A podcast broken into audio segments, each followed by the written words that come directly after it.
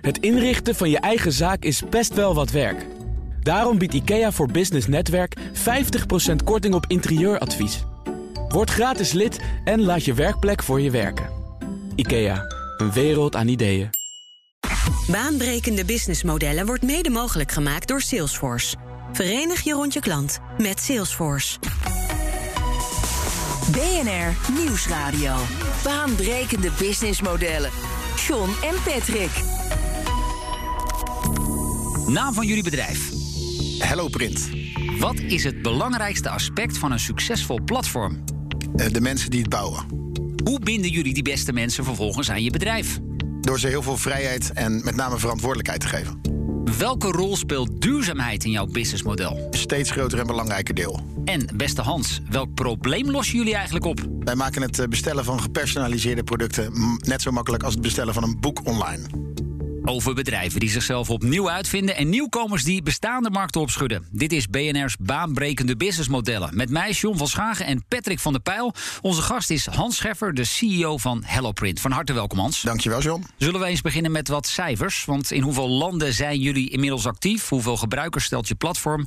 Eh, en doe meteen ook de omzet maar even van het afgelopen jaar. Als we toch bezig zijn. Ja. Eh, eh, Hello Print inmiddels actief in eh, 13 eh, Europese landen. Er staan een flink aantal landen op de planning om de komende tijd eh, toe te gaan voegen. We zijn inmiddels met een team van zo'n 250, 260 mensen uit eh, 38 verschillende landen. Dat doen we vanuit Valencia en Rotterdam. Eh, dit jaar eh, verwachten we dat de omzet eh, ongeveer uitkomt op zo'n 70 miljoen euro. En het gaat om visitekaartjes, bro- brochures, menukaarten, petjes, shirtjes.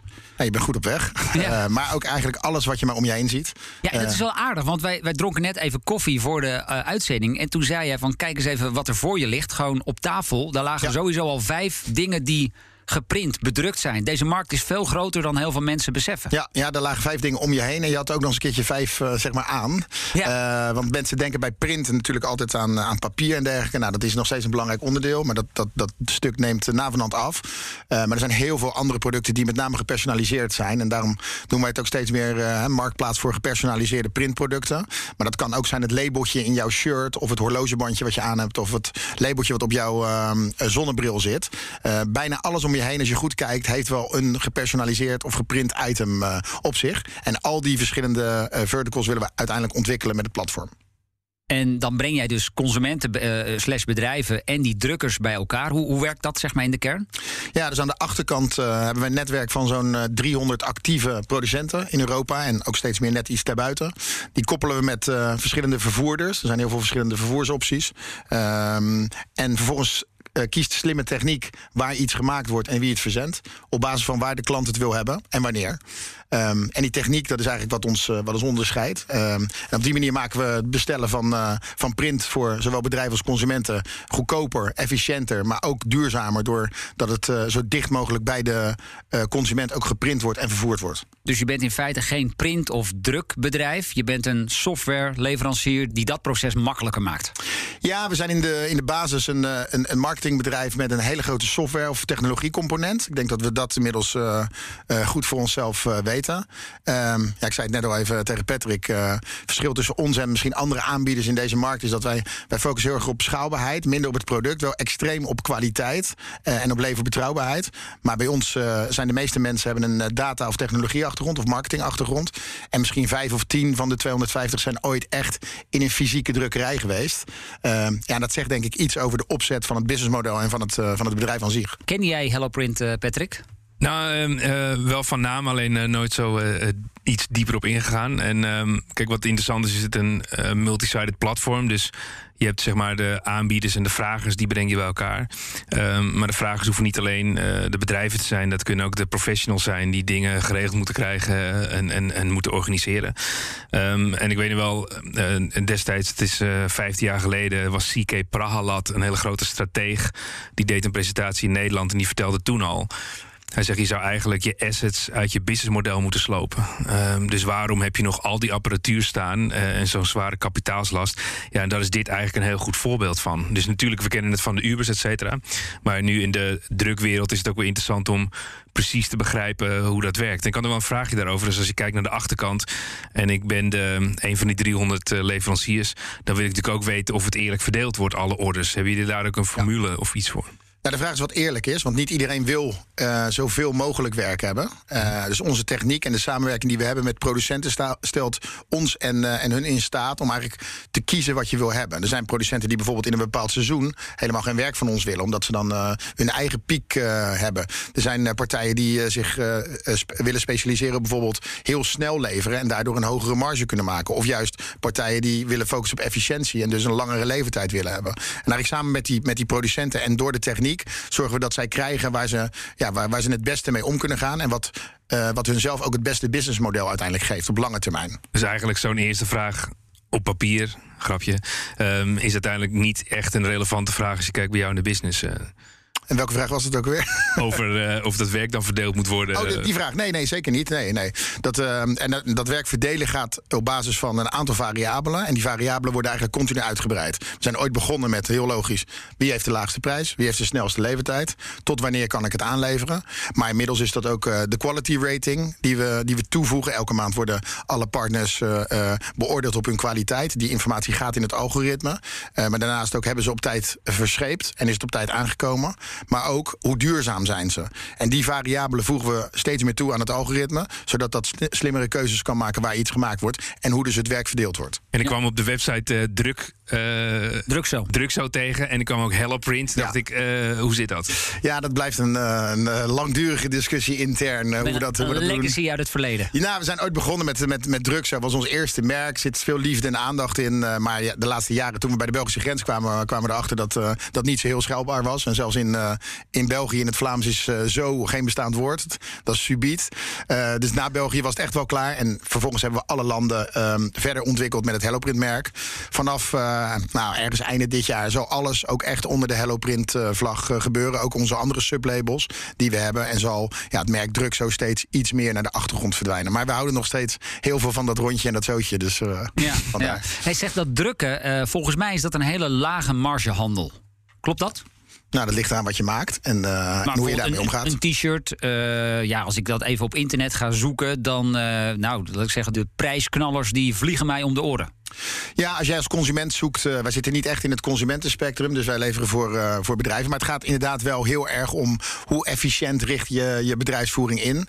Uiteindelijk is het natuurlijk best wel een complex product. Hè. Het moet gemaakt worden, dat vergeten mensen vaak. Soms kan je een uh, visitekaartje of een flyer of een, of een t-shirt bestellen volgende dag in huis. Maar het ligt niet op de plank. Het is een halffabrikaat wat daar ligt, of, dus, of een stuk papier of een, of een stuk textiel, wat nog bedrukt moet worden. Um, en ja, en daar moet ook nog een bestand voor gemaakt worden. Dus wij vergeten, je had het net over de verschillende kanten van een marktplaats. Nou, bij HelloPrint heeft hij eigenlijk geen twee kanten, uh, maar eigenlijk drie kanten. Want er zit ook nog een, uh, een stuk in de triangel uh, waar de designer uiteindelijk zit, de ontwerper, die uiteindelijk dat, dat wel moet maken. En dat bestand moet ook nog eens een keertje klaargemaakt worden voor productie. Dus er zit in, de, in het midden van, de, van, de, van die marktplaats zit heel veel toegevoegde waarde. Voor zowel de consument aan de ene kant, die gewoon iets moois wil.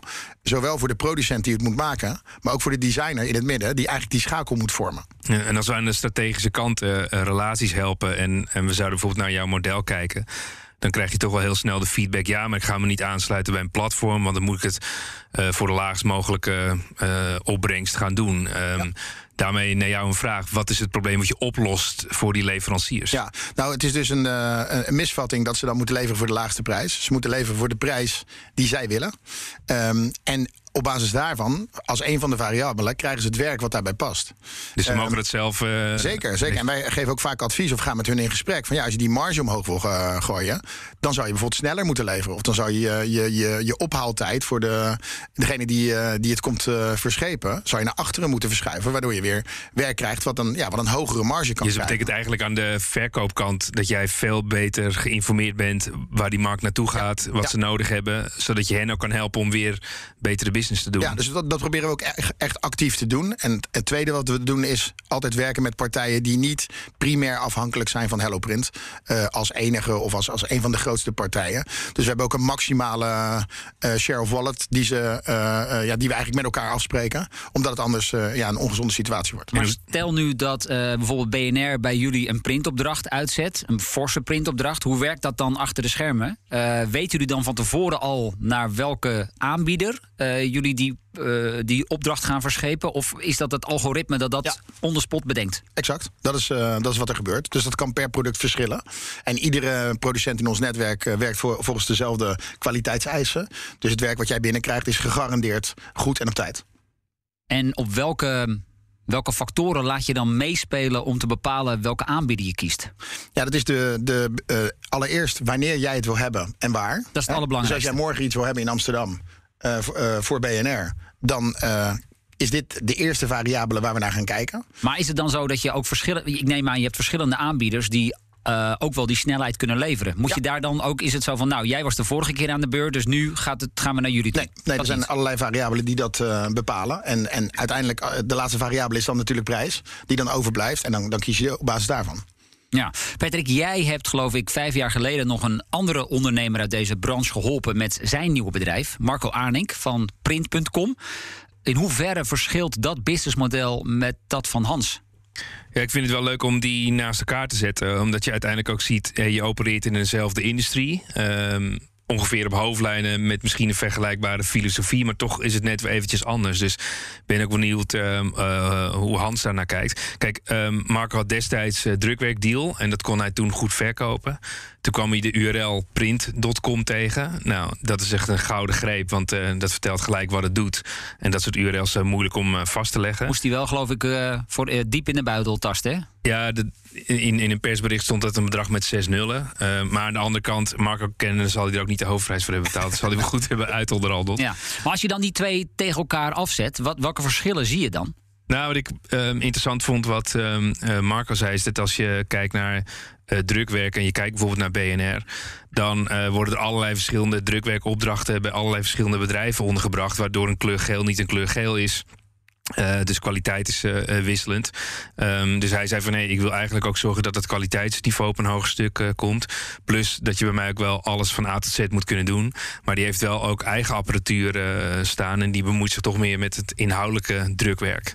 Maar dan kijk eens met een schuin oog naar Hans. Ja, Jij Nee, zal ja, het ongetwijfeld dus, iets beter weten. ik ken Marco goed. Het is leuk om ons een keer samen uit te nodigen. Ja, Om, eh, zeker. voor, eh, nee, dat is een geintje. Want Marco en ik eh, kennen elkaar echt, eh, echt wel goed. Eh, en al jaren, toen hij met drukwerkdeal eh, bezig was, was ik met Flyerzoon bezig. En nou, de nieuwe bedrijven starten ook ongeveer rondom dezelfde tijd. Maar ik denk dat we allebei een andere visie hebben op, eh, op hoe je een eh, bedrijf eh, kan bouwen. En allebei eh, eh, op, een, op een goede manier, denk ik, veel respect voor hoe hij dat doet met, met print.com. Het verschil zit denk ik niet in de kwaliteit. Eh, daar kunnen we een hele boom eh, over opzetten. Maar wij hebben de hoogste Trustpilot rating eh, in de industrie bijna. We hebben obsessieve eh, focus op die kwaliteit. Juist omdat we dat netwerk hebben.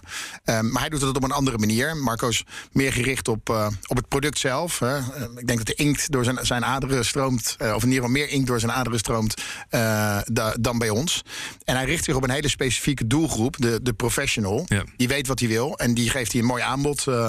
Ehm, Maar jij zei, platform. wij richten ons ook op bedrijven. Dus wat is dan het verschil? Ja, hij richt zich echt op de grafisch professional. eh, die heel inhoudelijk en met veel keuze iets wil hebben. Dus het zit veel meer in de breedte van het aanbod. Wij hebben ja. ook een heel breed aanbod. En wij eh, ehm, eh, serveren die doelgroep ook. Maar ik denk bij hem is het nog veel meer gericht op echt de, ja, de liefde voor het, voor, voor het geprinte en het product. Terwijl het bij ons veel meer gericht is op de schaalbaarheid van het model. En hoe kan je dat bedrijf naar een volgende fase krijgen, naar een nieuwe markt eh, en naar nieuwe productgroepen. BNR Nieuwsradio. Baanbrekende businessmodellen. Met deze keer het businessmodel van HelloPrint. Zometeen meer, maar eerst Patrick. Jij wilt het eh, hebben over innovatie en dan met name over de vraag hoe je dat in je bedrijf organiseert. Ja, ik kwam een artikel tegen in Fast Company online, eh, fastcompany.com. En dat gaat over die eh, cultuur. En ja, een paar dingen die ik wel wil, wil toelichten. Het zijn wel open deuren. Alleen ik denk dat je, als je er pas echt zelf mee aan de slag gaat, eh, dan begrijp je ook wat voor consequenties dat, eh, dat heeft. De eerste gaat over innovatie, gebeurt niet toevallig. Eh, dus als je dat wil vernieuwen, moet je ook een omgeving waar het kan creëren, wa- waar het kan gebeuren. Nou, wat bedoel je dan uiteindelijk mee? Zet dan ook gewoon 20% van je omzet in je begroting wat het innovatie moet komen. Want dan begin je met die omgeving te creëren. Ehm, en eh, je moet nu eigenlijk ook al gaan nadenken. Niet dat je zo druk bent met vandaag, maar ook over de dag uh, morgen. Uh, en wat dat dan betekent. Dus de vraag hoe de markt er over pak een beetje vijf tot misschien wel tien jaar kan uitzien. Ja, en waar dan je business vandaan uh, gaat komen.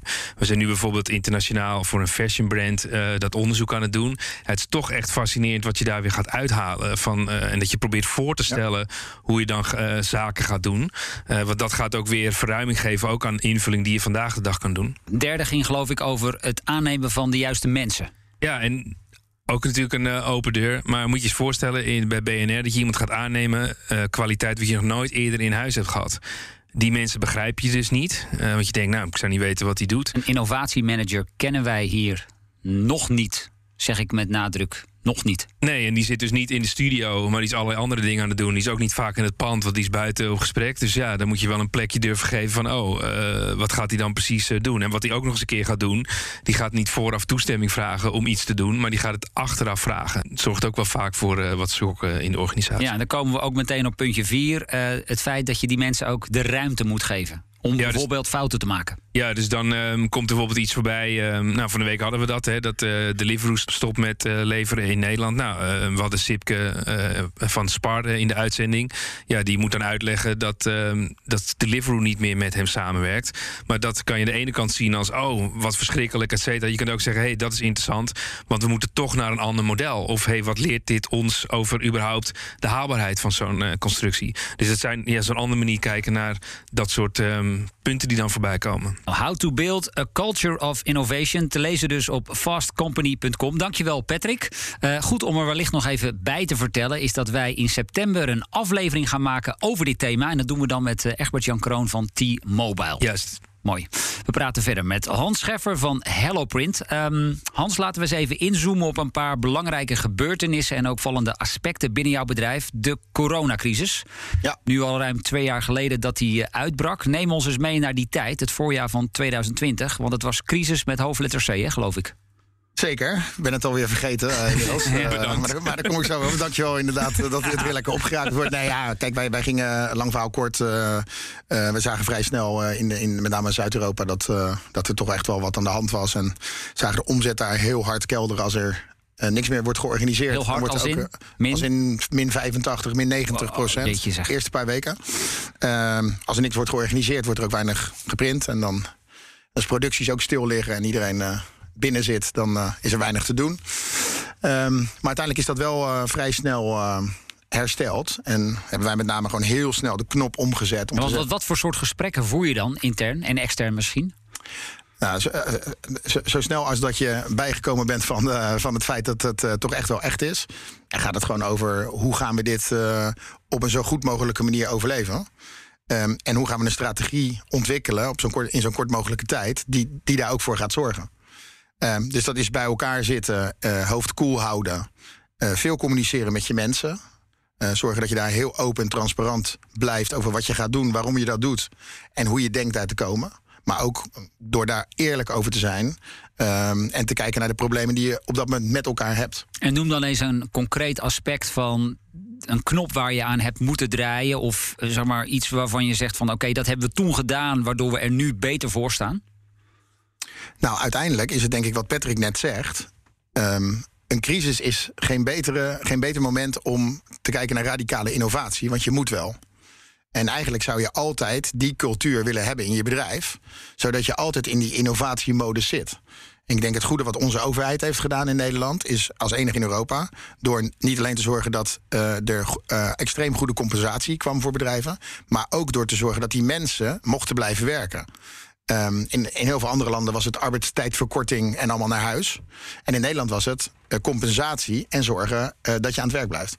Um, en dat heeft ervoor gezorgd dat wij met het hele team eigenlijk ja, hebben kunnen werken aan innovatie in eigenlijk elk, op eigenlijk elk vlak. Ja, noem eens een voorbeeld van Ja, we zijn bijvoorbeeld veel efficiënter geworden. We hebben iedereen gehouden qua mensen. Maar we zijn wel, eh, als je kijkt naar de kosten per order, uiteindelijk zijn we veel efficiënter geworden. We hebben nieuwe productgroepen sneller geïntroduceerd dan ooit. Eh, eerst mondkapjes bedrukt, eh, maar daarna ook heel veel meer in, in bestikkering en, en beplakking en dergelijke. Ehm, we, we hebben goed gekeken naar, naar, naar de processen die leiden tot innovatie. Dus hoe kan je sneller executeren? Hoe kan je sneller zorgen dat je een nieuwe productintroductie doet? Hoe kan je sneller optimaliseren? We hebben gekeken naar de efficiëntie van customer service. Nou, je kan, kan door blijven gaan. En uiteindelijk kom je dus uit een crisis.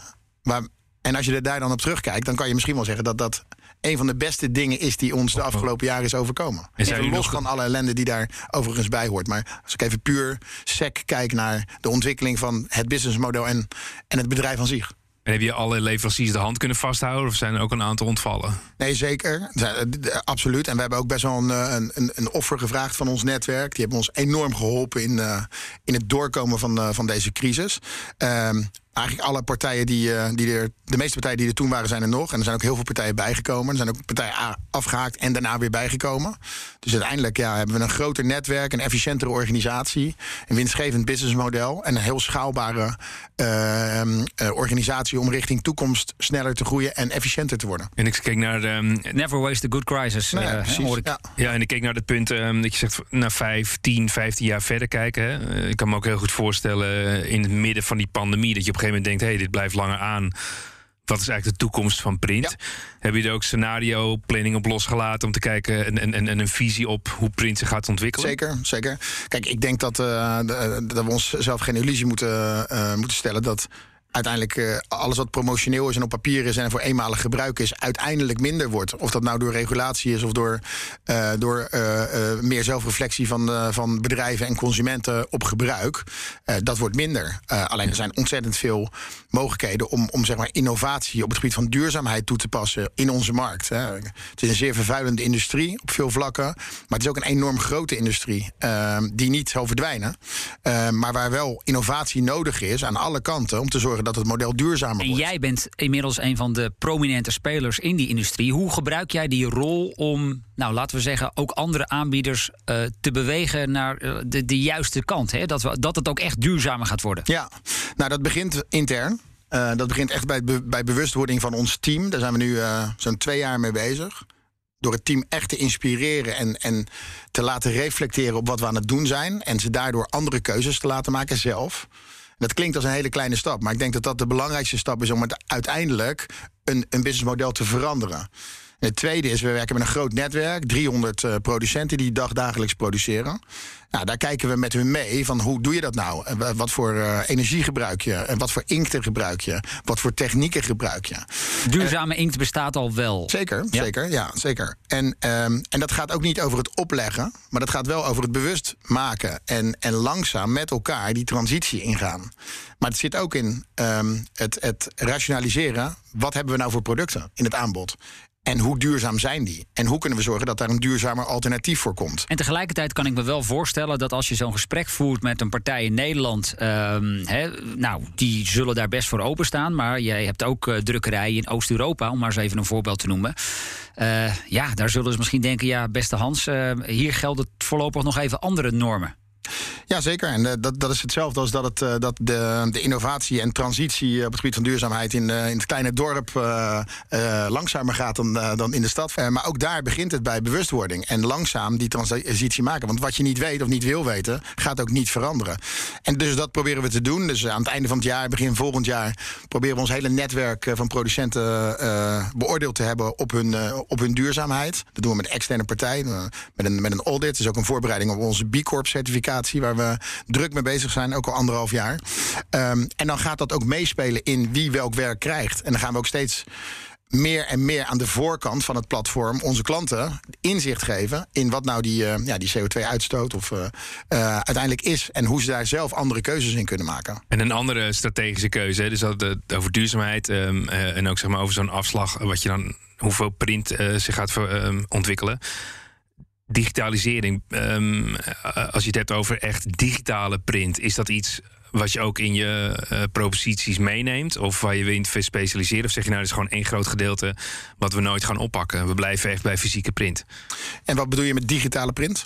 Nou, bijvoorbeeld dat je uh, aan de ene kant, um, zeg maar, posters op de abris, die, die worden al helemaal ja. bijna niet meer geprint. Dat is zeg maar een digitale verpakking. Ja. En bijvoorbeeld um, naar bewegende beelden, animaties of commercials of dat soort zaken. Die ja. stappen ze misschien strategische. Nou, die, die stap zit niet in onze strategische rationale voor de komende, of in ieder geval aankomende jaren. Uh, maar het zijn aanpalende businessmodellen die we ook niet uitsluiten. Uiteindelijk zitten we steeds meer in die, die drie zijdes van die marktplaats waar iets gemaakt wordt. Uh, nu, zijn, nu is de uitkomst daarvan een fysiek product. Maar het zou zomaar kunnen dat het ook ooit een digitaal product wordt.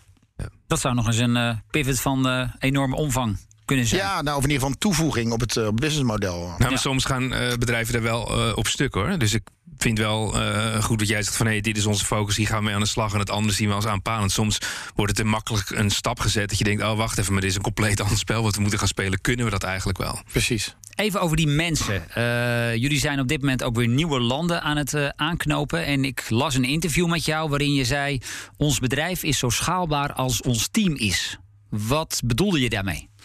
Nou, precies wat ik daarmee zeg uiteindelijk. Ja. Uh, Omdat ik altijd denk, ja, schalen zit in technologie, in of je makkelijk ergens je, je platform kunt. Maar jij zegt, het zit vooral in mensen. Nou kijk, het zit zeker in de schaalbaarheid van je techniek en, en je platform. Want het, ja, de, de tools die je gebruikt, die moeten schaalbaar zijn. Maar uiteindelijk moet je je team wel mee kunnen laten schalen. En wat wij heel veel geleerd hebben, in ieder geval uh, de hard way, zou ik willen zeggen, is dat als je sneller schaalt met je mensen dan dat je aan kan, dat je dan een knoepert van een probleem hebt. En dat het dan heel moeilijk wordt om dat A. Uh, terug te draaien. Want het beïnvloedt enorm je cultuur als je de verkeerde mensen aanneemt en te snel groeit op het gebied uh, van mensen. Uh, maar B, dat je daardoor ook nooit die stap gaat maken die je moet maken als je, als je succesvol wilt internationaliseren en dat ook efficiënt wil doen. Dus Hans, wacht even. Dus jij zegt, het zit hem in die mensen maar zomaar een bus met 40 mensen je organisatie induwen en denken dat het goed komt, dat is dus waar je de hardware heeft geleerd dat dat niet werkt. Ik zou in ieder geval iedereen adviseren om dat niet te doen. En als je dat wel voor elkaar krijgt, chapeau ons is het in ieder geval niet gelukt. We zijn daar een aantal keren behoorlijk op stuk gegroeid. En wat was dat dan? Um, uh, waren je criteria voor het aannemen van mensen, was dat te breed? Of had je onduidelijk een positie in de toekomst? Wat, ja. Uh... Nou, wij, wij, zijn, uh, wij zijn zeer selectief op, op, op wie we aannemen. We, we, hebben een duidelijk recruitmentproces. Niet omdat we daar heel erg picky in zijn, maar omdat we gewoon willen dat er een goede match is. Uiteindelijk als je een relatie aangaat. En dat is een, een werkrelatie. dus we moeten bij elkaar passen. Um, en als je heel veel mensen aan wilt nemen, dan ontkom je er toch niet aan dat je af en toe wat makkelijker omgaat met die criteria. Dat, dat is gewoon mens eigen. En daar kan je allerlei processen voor inrichten. Maar uiteindelijk sla je dan toch een behoorlijk aantal keer de plank mis. En als je onvoldoende mensen in je organisatie hebt, eigenlijk die ja, cultuurdragers zijn, of, of snappen waar je als bedrijf heen wil, ja, dan krijg je hele groepen eh, nieuwe mensen. Ja, die, die, die redelijk in, in, die in een vrije omgeving komen met veel verantwoordelijkheid en veel vrijheid. Ja, wat dan niet zo goed werkt. Ja, ik heb een boek gelezen in de zomer van uh, Ben Horowitz. Uh, van uh, Andreessen en Horowitz, die venture capital firm.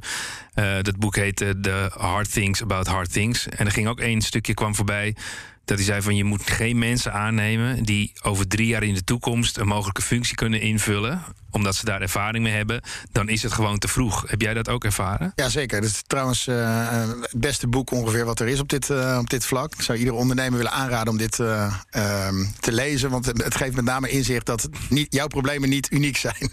want alles wat daarin staat, dat dan. Ja, dat is veel herkenbaar. Dat is heel herkenbaar. dat, is een, dat is een goed boek, maar ja, daar heb je helemaal gelijk in. Ja. Tot slot nog even. Um, jullie zijn inmiddels het grootste printplatform van Europa. Hoe lang gaat het nog duren voordat jullie ook de meeste printorders gaan verwerken? Dat jullie ook op dat vlak de grootste zijn? We hebben in ieder geval het grootste netwerk in de wereld uh, van, uh, van, van print of gepersonaliseerde productenaanbieders. Um, en hoe lang dat aan de voorkant duurt, uh, ja, dat weet ik niet, John. Nee. nodig me vooral nog eens uit over vijf of tien jaar. Ik heb in ieder geval het idee om dit nog wel even te doen. En, ja. ja, want groeien, dat zit in jouw DNA, hè? Daar word jij blij van. Nou, groeien zit in mijn DNA, maar ik wil met name een mooi bedrijf bouwen. Dat, dat vind ik het allerbelangrijkste. En daar hoort ook groei bij, op een gezonde manier. Ik denk dat we dat met HelloPrint laten zien. We hebben een uh, businessmodel wat, wat heel uh, solide is. We hebben Uh, 85% van onze omzet komt uit terugkerende klanten. Dus we zijn geen uh, enorme geldverslindende machine. We maken mooi rendement. We hebben hele blije klanten, grote base. We hebben een hoge NPS, we hebben een hoge INPS. en dat vind ik het belangrijkste. En dan komt die groei, die komt daar gewoon uit voort. Als je je dingen goed doet en je hebt goede mensen... en je gaat er goed mee om, dan kan je best mooi groeien.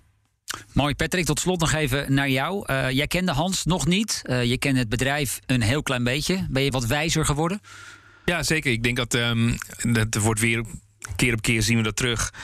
Een, een, een specifieke industrie verschillende ondernemers op hoofdlijnen vergelijkbaar businessmodel, maar compleet andere executie. Uh, dus je ziet met name ook hoeveel invloed dan uh, een CEO daarop heeft. Um, ja, en ook in businesses waar je op het eerste oog denkt, ja, valt daar nou geld te verdienen? Uh, ja, maar dan wel op een andere manier dan je op het eerste gezicht zou zeggen. Dus uh, ja, heel interessante ontdekking weer uh, in een ontdekkingsreis in dit programma. Mooi. Hans Scheffer van Hello Print, dankjewel voor jouw komst naar de studio. Patrick en ik zijn er volgende week weer. En wil je voor die tijd al meer luisteren? Nou, check dan ook zeker onze andere afleveringen... die je vindt op vrijwel alle bekende podcastkanalen. Tot volgende week. Baanbrekende businessmodellen wordt mede mogelijk gemaakt door Salesforce... Verenig je rond je klant met Salesforce. Als ondernemer hoef je niet te besparen op je werkplek. Want IKEA voor Business Netwerk biedt korting op verschillende IKEA-producten. Word gratis lid en laat je werkplek voor je werken. IKEA, een wereld aan ideeën.